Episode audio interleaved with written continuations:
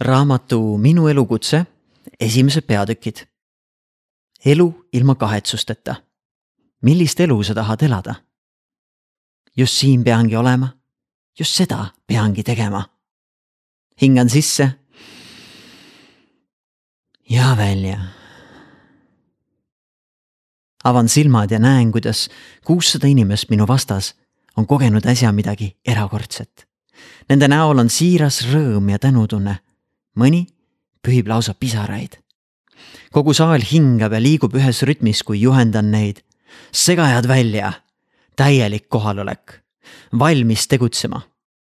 olen nagu dirigent, kes paneb suure orkestri ühtsena mängima. ja sellele järgneb hoogne, pikk aplaus üle kogu saali.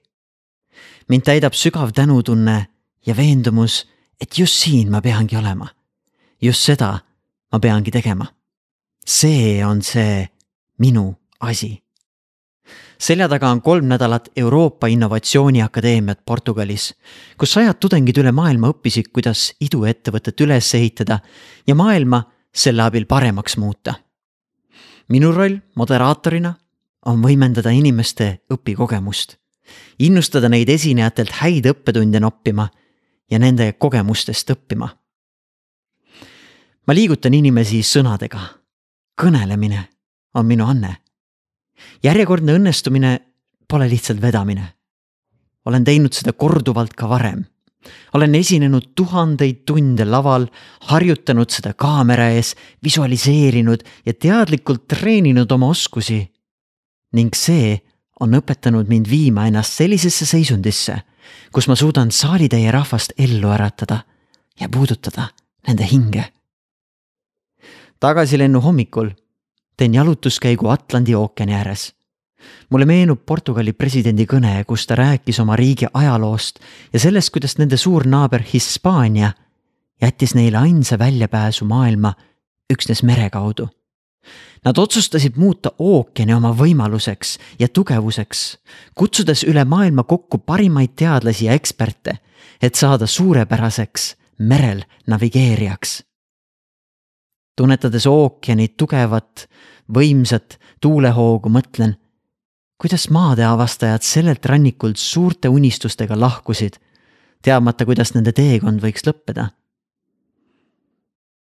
kui saaksin ajas tagasi rännata ja minna keskkooliaegse iseenda juurde, kes püüdis kusagil Lõuna-Eesti metsade vahel leida oma kohta maailmas, siis kallistaksin teda ja ütleksin, kõik saab korda järgi oma uudishimu.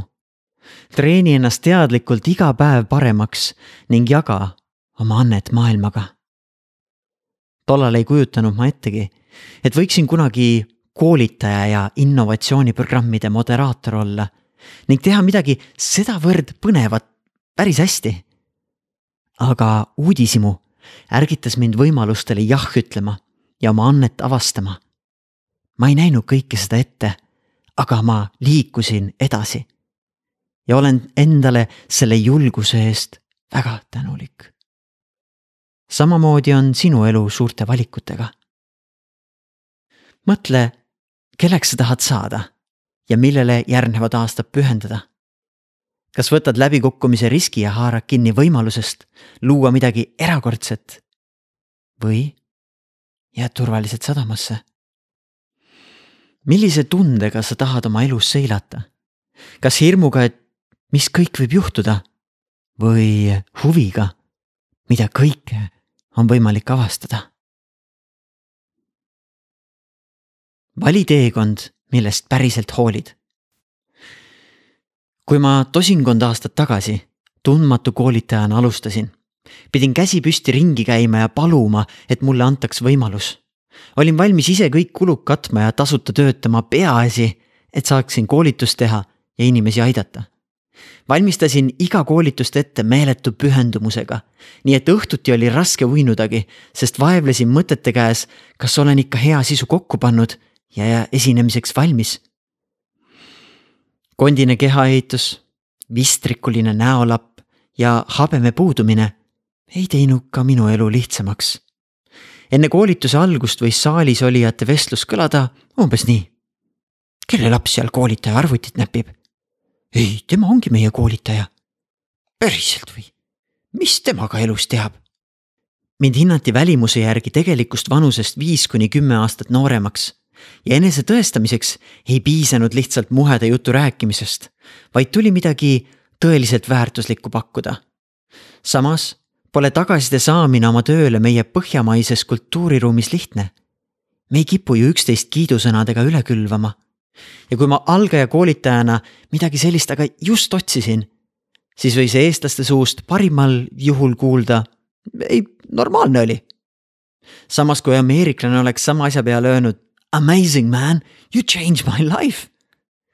noh, püüa siis aru saada, kas esinemine läks osalejatele korda või mitte.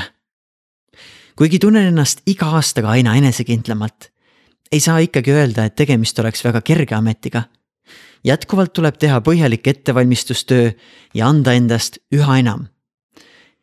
kui ma oleksin otsinud kerget papi kokkuajamise viisi, siis oleksin tõenäoliselt juba esimestel aastatel loobunud ja mõne muu äriga alustanud.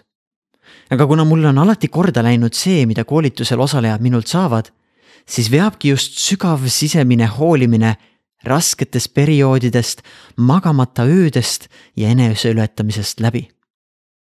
on hea tunne olla vajalik. see julgustab jätkama.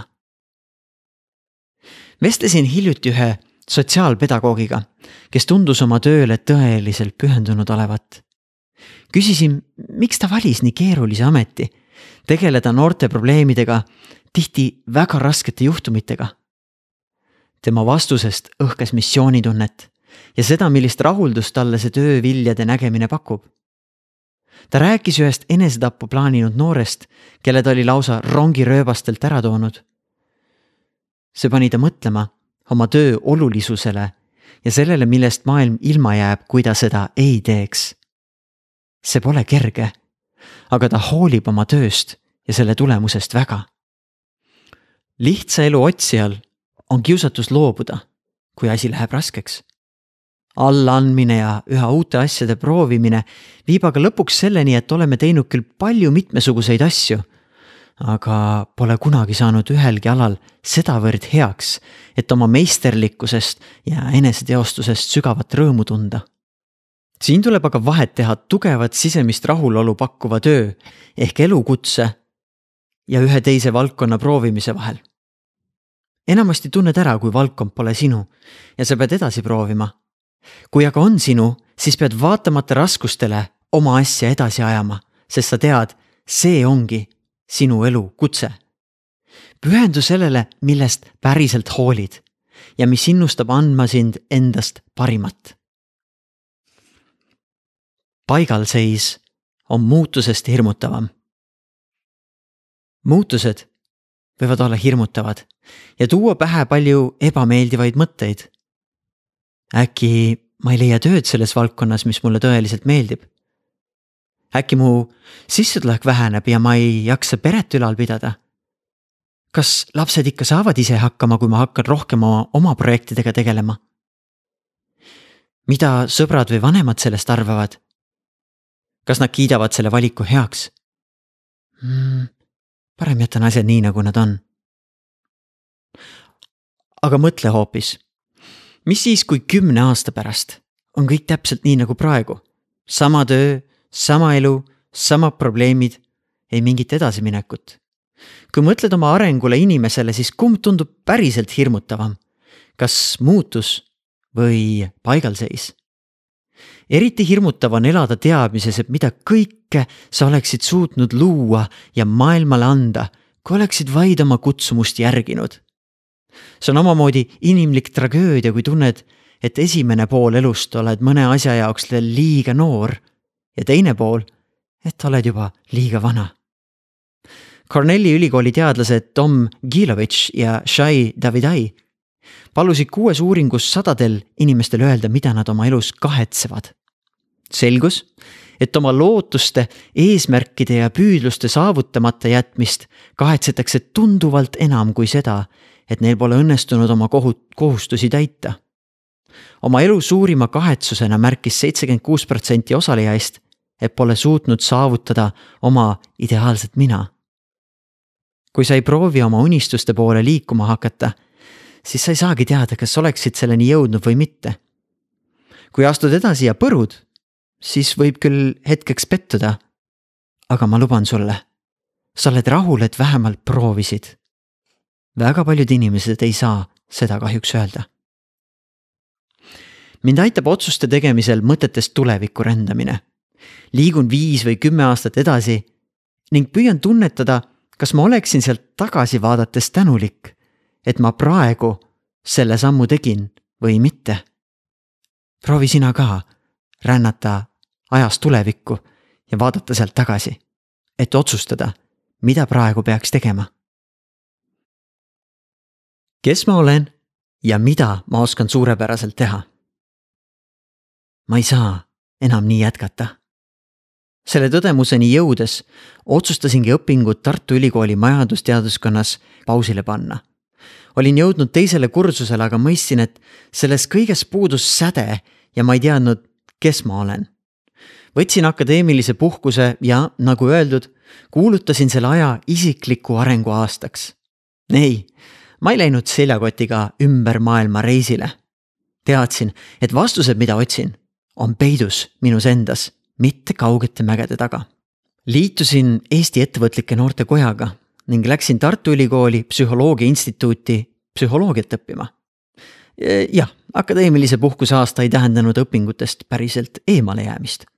Ma valisin lihtsalt aineid ja teemasid selle järgi, millest arvasin leidvat vastused oma küsimustele. kes ma olen ja milles ma hea olen hankisin paljude koolitajate materjale, kus õpetati, kuidas endas, oma unistustes ja eesmärkides selgusele jõuda. samal ajal kui eakaaslased puhkasid, otsisin mina pühendunult iseennast. mu töötuba täitus suurte paberilehtedega, mis olid täis kritseldatud küsimusi ja vastuseid. Sealt võis leida minu kogemuste nimekirja, nimekirja oskustest, mida tahtsin selgeks saada, visioonitahvli unistuste ja eesmärkidega. väärtushoiakud, mille järgi tahtsin elada. elu kreedo, juhtmõte. olulisemad verstapostid tulevikus. võtsin iseenda ja laotasin seintele, et paberilehtedest moodustuks tervikpilt, mis ütleks, kes ma olen ja mida ma tahan. minu elu disain ühele postrile olin kirjutanud juhtmõtte. pane paika visioon, loo vajalikud eeltingimused ja ülejäänu tuleb iseenesest. see oligi minu meetod unistuste elu loomiseks. kuigi mu elu oli väga põnev, tundsin, et midagi või õigemini keegi oli ikkagi puudu. kes võiks olla minu kaaslane teekonnal nimega elu? Kuidas siis enesearengu mees endale naist otsib? no ikka samamoodi nagu ülejäänud eesmärke sätib, visualiseerides. võtsin puhta lehe ja kirjutasin detailselt lahti, millist elukaaslast ma otsin ja millised huvid, omadused ja väärtushoiakud tal peaksid olema. panin kirja oma eelistused isegi juuksevärvi, kehaehituse ja pikkuse kohta. mõni aeg hiljem tekkis mul kursapeol ühe kursaõega hea klapp, kusjuures ta vastas üllataval kombel enamikule tunnustele, mis ma olin kirja pannud. olime aastakese koos, kuni otsustasime edasi minna eraldi. täheldasin, et minu lähteülesanne oli puudulik. ma polnud pööranud küllaldaselt tähelepanu aspektidele, mis on püsisuhte juures tegelikult olulised. Läksin uuesti tahvli juurde ja parandasin lähteülesannet. möödus mõni kuu ja ma kohtasin üht tütarlast, kellega sobisime kohe algusest peale ning kellega oleme tänaseks koos olnud üle kümne aasta. pane paika visioon, loo vajalikud eeltingimused ja ole kohal selles hetkes. esiteks, visioon, mida ma päriselt tahan. teiseks, eeltingimused, mida on vaja teha, et see saaks juhtuda. kolmandaks protsess, kus on minu tähelepanu. selline mõtte ja tegutsemisviis toimib, sest meie ajus olev retikulaarne aktiviseerimissüsteem, RAS, reguleerib sisse tulevat infovoogu. ta filtreerib välja sealt ebaolulise ja toob tähelepanu sellele, mis sarnaneb otsitavaga. ehk maakeeli aitab RAS peole minnes märgata vallalisi brünette ja leida ka muud eluks kasulikku. Mulle meeldib oma unistuste ja plaanide lõppu lisada tore lause. seda või midagi veelgi paremat. aitäh! sest me unistame oma praeguselt mõttetasandilt. aga äkki on maailmal midagi veelgi paremat pakkuda. harjutus. tee korraks lugemises paus. võta endale rahulikult aega ja mõtle, mida sina oma ellu praegu kõige rohkem vajad. kirjelda see enda jaoks võimalikult täpselt ära ja täienda seda hiljem, kui vaja. aga loo see täpne nägemus, mis on see, mida sa tahad ja mis on vajalikud eeltingimused, mida on vaja täita, et see võiks juhtuda. ning otsusta, kuhu suunad enda tähelepanu praegu, et lubada sel hargneda. kas võtta elult parim või anda iseendast parim. Kujuta ette, et oled kaheksakümne aastane ja vaatad oma elule tagasi. mida sa tahaksid seal näha? kas uhkeid reise, hõrgutavaid toite pööraseid seiklusi ja ägedaid asju. või hoopis kõike seda, mida sina said elule ja maailmale juurde anda. häid tegusid, teistest hoolimist, millegi täiustamist ja ühisesse heaolusse panustamist. Huvitav on jälgida, millest inimesed unistavad. tavaliselt läheb nende mõte sellele, mida kõike nad tahavad saada harvem räägivad nad unistustest kui millestki, mida nemad tahavad maailmale pakkuda. üks mu mentor ütles, et uue auto, uhkema kodu ja säravate asjade ihaldamine on vaese inimese mõtteviis. tema pidas silmas, et uhked asjad pole hea investeering, kuna nad ei tooda sulle jõukust juurde, vaid võtavad raha ära ja kaotavad ise ajas väärtust. aga milline on siis jõuka inimese mõtteviis?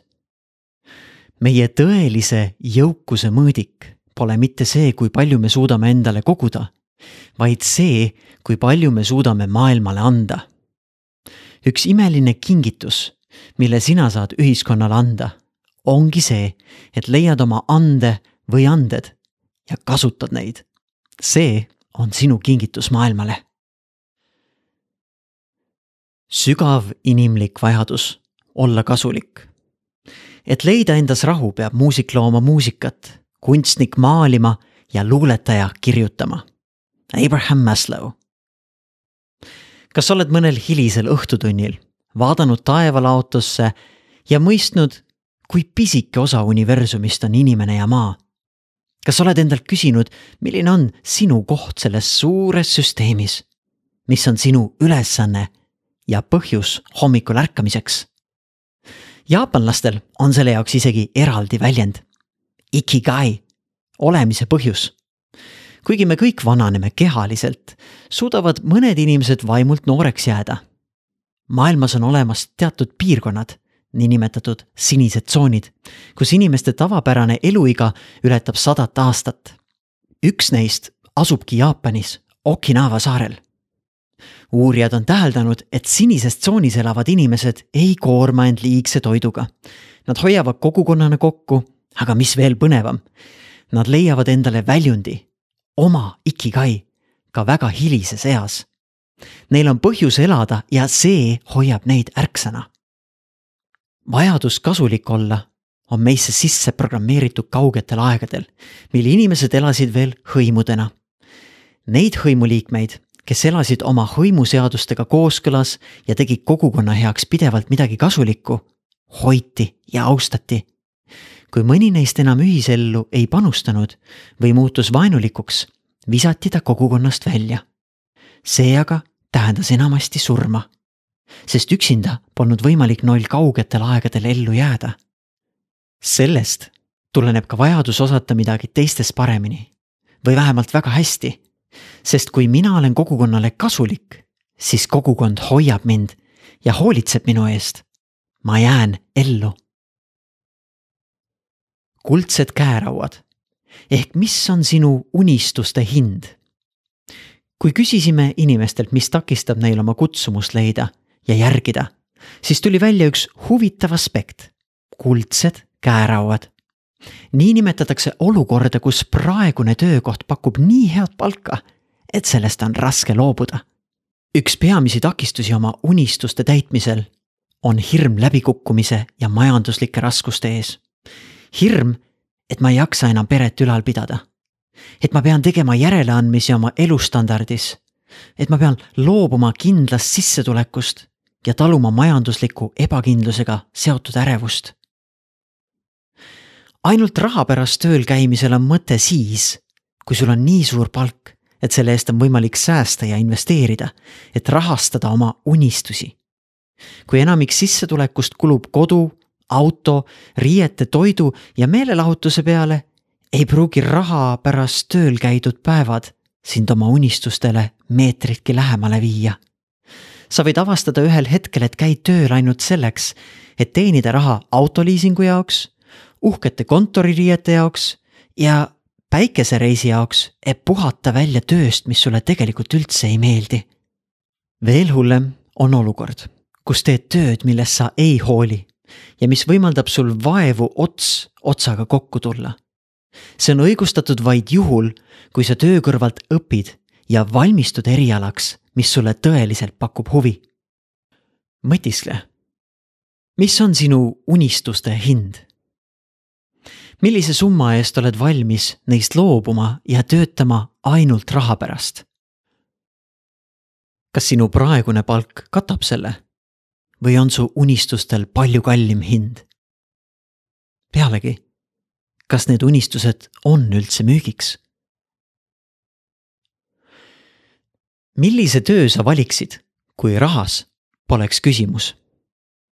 kujuta ette, et kõik inimesed saavad kodanikupalka, mis katab eluks vajalikud kulud. pere on toidetud, kodulaen on makstud, igaüks saab valida enda jaoks sobiva töö tingimustel et sellest sünnib kasu ka ühiskonnale tervikuna. mis tööd sa teeksid, kui ei peaks seda valima sissetuleku järgi, vaid selle alusel, et sa saad kõige paremini oma annet rakendada ja ühiskonna heaolusse panustada? mida sa muudaksid oma praeguse töö ja valikute juures? esitan endale aeg-ajalt sellise kontrollküsimuse. et kui ma oleksin miljonär, siis kas ma teeksin jätkuvalt seda tööd, mis praegu? kuni vastan jaatavalt, olen õigel teel. aga kui vastus oleks ei, siis küsiksin endalt, mida ma päriselt teha tahan. kui avastan, et olen oma unistustest kõrvale kaldunud, siis kontrollin, kas see töö toob mulle nii hästi sisse, et aitab mul ehitada vundamenti mu unistuste elule, kus ma tegelen just selle valdkonnaga millest ma kõige enam hoolin. jõukas inimene on see, kellel on vabadus teha seda, millest ta hoolib. kui ilmajäämise hirm on loomise rõõmust suurem.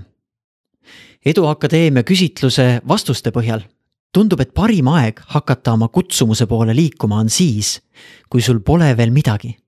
tööd, elukaaslast, lapsi, kodu. hiljem tuleb oma kutsumuse leidmiseks või järgimiseks aega võtta juba tihtilugu kõige selle arvelt. kui ma ülikooli teisel kursusel oma ettevõtte lõin, elasin üliõpilaselamus. mu sissetulek oli olematu. mul polnud lapsi ega oma kodu. aga mul polnud ka midagi kaotada ja ma sain panna kogu energia enda ja ettevõtte arendamisse. kui aga oled olukorras, kus oled tööst suhtest või kodust ilma jäänud, siis on ka see ehk just hea aeg kannapöörde tegemiseks. august välja ronimine võib olla palju innustavam kui mäe otsast allatulek ainult selleks, et järgmisest samasugusest üles ronida. aga loomulikult sa ei pea jääma sellist auku ootama. alustada saad ka siis, kui asjad on lihtsalt okei okay. kui täna oleks sinu elu viimane päev. Minu elu kõige raskemad kõned pole olnud mitte koolitustel, vaid hoopis matustel. üks asi on hüvasti jätmine vanavanematega, aga hoopis valusam on teha seda oma eakaaslastega, kellel oli ju alles elu ees.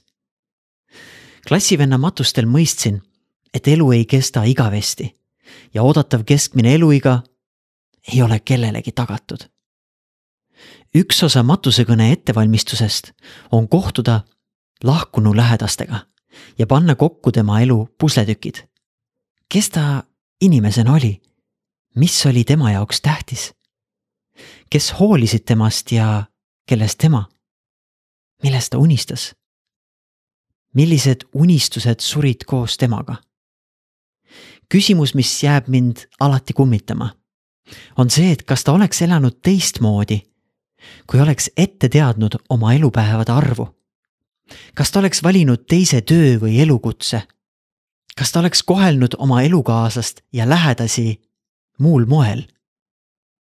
millised valikud ta oleks siis teinud? kas ta oleks võtmise asemel rohkem andnud? milline on tema pärand? mis jääb meist üldse järele? sinu tulevased lapsed ja lapselapsed? Aga mis veel? on see sinu looming? on see sinu algatatud ettevõtmised, liikumised, mälestused, mille oled jätnud teistele või midagi muud? kuna füüsiline keha ei võimalda meil igavesti elada, olen enda jaoks otsinud võimalust elada igavesti digilahendustes, videotes, taskuhäälingutes, artiklites. minu eesmärgiks on luua ajatud sisu, mis kõnetaks inimesi ka aastate pärast. see on üks põhjuseid, miks ma teen inspiratsioon.ee serveri ja domeenide ettemakseid mitmeks aastaks. kui minuga peaks midagi juhtuma, elab minu looming edasi oleme inimestena võtnud oma planeedilt palju ja parim, mida saame tagasi anda, on kasutada oma annet ühiskonna edendamiseks. et võiksime olla tervikuna targemad, teadlikumad ja hoolivamad teineteise suhtes. Ma tahan tunda, et minu siin viibimine tegi selle planeedi paremaks, et ma andsin rohkem, kui võtsin. ma esitaksin sulle ühe julge väljakutse salvesta üks videoklipp, kus räägid, mille nimel sa praegu elad. mida sa kardad ja mida sa tahad luua. Ja tee seda mõttega, et videot näidatakse sinu lähedastele, kui sinuga peaks midagi juhtuma. iga aasta võid salvestada uue sellise video. või miks mitte teha selline julgustükk, et pead igal aastal oma sünnipäeval kõne kus ütled enda jaoks olulistele inimestele kõik hingelt ära. mida kõike võiks selline siirus ja ehedus sinu elus ja suhetes muuta? kiri tulevikust, kaheksakümne aastaselt sinult. kirjutan endale igal aastal kirja tulevikust. ma kujutan ette, et olen kaheksakümne aastane ja vaatan elule tagasi. räägin kuhu olen jõudnud, mis on minu jaoks praegu tähtis ja mis mulle rõõmu teeb. vaatan tagasi oma projektidele ja sellele, kuhu need on välja jõudnud. Otsin eelkõige neid valikuid ja saavutusi, mille üle tunnen uhkust ja tänu. umbes poole kirja kirjutamise peal tekib tunne, nagu oleksingi kaheksakümne aastane elutark mees. liigun kirja teise etappi, kus annan praegusele minale nõu mis on need asjad, mille pärast vähem muretseda ja millele rohkem keskenduda? kelle seltsis vähem aega veeta ja kellega rohkem? Mida jätkata? mida lõpetada? nõuannete osa toimib hästi, sest tuletab meelde olulisi põhimõtteid, mida olen õppinud mentoritelt, lugenud raamatutest ja saanud elukogemusest. ma sisuliselt olen iseendale mentoriks igal aastal on see kiri natuke teistmoodi, et mängida läbi eri rõhuasetused ja suunad. See aitab mul luua selgema perspektiivi, kuidas praegused tegemised suures plaanis väärtust annavad ja teha valikuid, mis aitavad luua elu, millele tagasi vaadates võiks panna käe südamele ja öelda. olen hästi elanud. sisuliselt mõtlen läbi oma tuleviku kõrghetked ja vaatan neile justkui tagasi, et tunnetada, kas see on see elu, mida ma tahan elada? Harjutus. leia sobiv hetk ja kirjuta endale kiri tulevikust. mõttelendu aitab käivitada see, kui lähed mõnda uude paika kirjutama, et argine ümbrus hoogu maha ei võtaks. võta ka tassike head rohelist teed, kohvi või muud mõtlemist ergutavat stimulaatorit, et lennukamalt oma tulevikku ette kujutada. kui soovid selle kirja kirjutamiseks täpsemaid suuniseid, siis siit lehelt leiad näidisküsimusi, mida endalt selles tulevikukirjas küsida. mine aadressile www.inspiratsioon.ee kaldkriips kiri sidekriips tulevikust. võta käsipidur sõiduajaks maha tulevikukirja kirjutamine on mulle selgelt õpetanud, et ma ei taha raisata oma elust mitte ühtegi tundi. vastumeelsete asjadega tegelemine on sama nagu sõita autoga, millel on käsipidur peal. kui mootor on tugev, siis auto liigub küll, aga aeglasemalt ja kõvasti suurema kütusekuluga. ma ei taha lohiseda läbi elu käsipidur peal, vaid tahan uudishimu ja avastamisrõõmuga edasi liikuda. vaata, kas sul on ka mõni elu käsipidur peal? mõned elu käsipidurid. Piiravad tõekspidamised. see on siis, kui sa usud, et elu ongi raske ja vaevarikas, et sa pole milleski võimekas ning teised inimesed tahavad sulle ainult käru keerata. negatiivne sisekõne. see on see, kui sa enda ergutamise asemel kaldud ennast sõnadega nüpeldama. destruktiivsed harjumused. noh, kui sa tead, et jalutuskäik teeb head, aga valid ikkagi diivanil istumise ja teleka vaatamise. pettunud ja pessimistlikud inimesed. kui sind ümbritsevad sellised inimesed, muudavad nad oma rahulolematusega paratamatult ka sinu maailmapilti. piirav keskkond mis ei paku eneseteostuseks võimalusi. sa kulutad suure osa ajast tegevustele, mis ei luba sul oma loomuomast annet ja võimekust kasutada. vastumeelne töö. Sa käid tööl lihtsalt palga pärast ja ei hooli sellest, mida sa teed.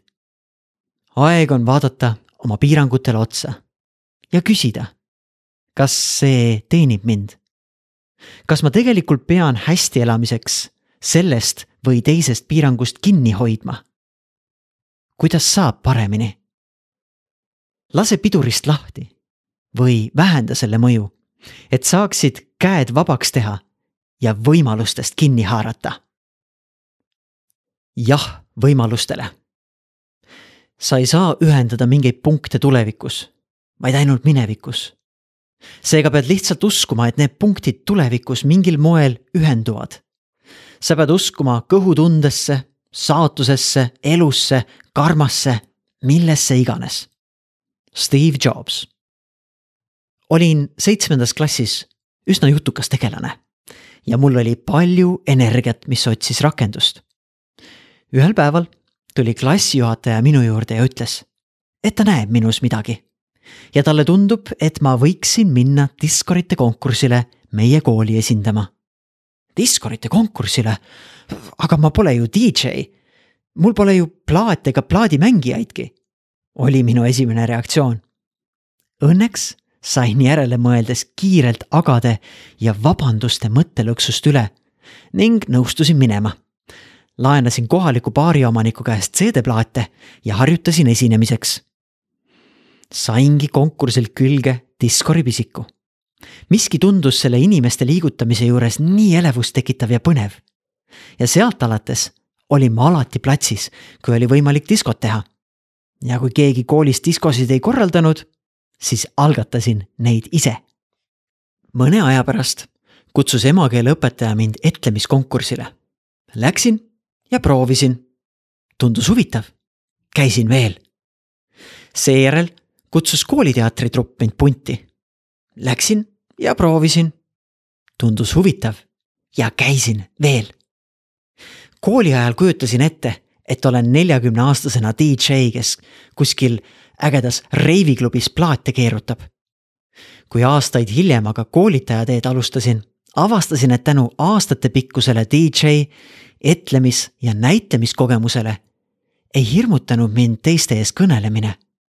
olin juba omandanud oskuse tunnetada saalis toimivat ja sobiva muusikaga inimesi tantsupõrandal käima tõmmata. see tuli hiljem koolitajana kasuks, et haaravalt kõneleda ja auditooriumi kaasa haarata. Kõik võimalused, millele noorena jah olin öelnud, olid mingil moel aidanud mul treenida oskusi, mida sain uues valdkonnas hästi rakendada. me ei suuda ette näha kogu teekonda. küll aga saame hiljem ühendada punktid, et vaadata, miks mingi asi oli kasulik.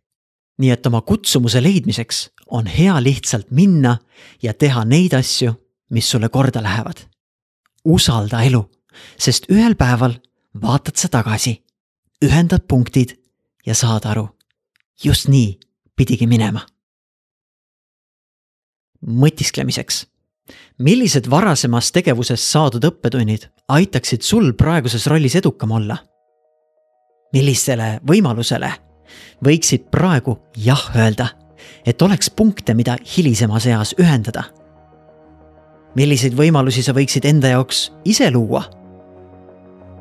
Ja mis on see, millega saad kohe alustada. see oli raamatu Minu elukutse esimene peatükk. minu elukutse aitab avastada oma tõelise kire ja rakendada tegelikku potentsiaali.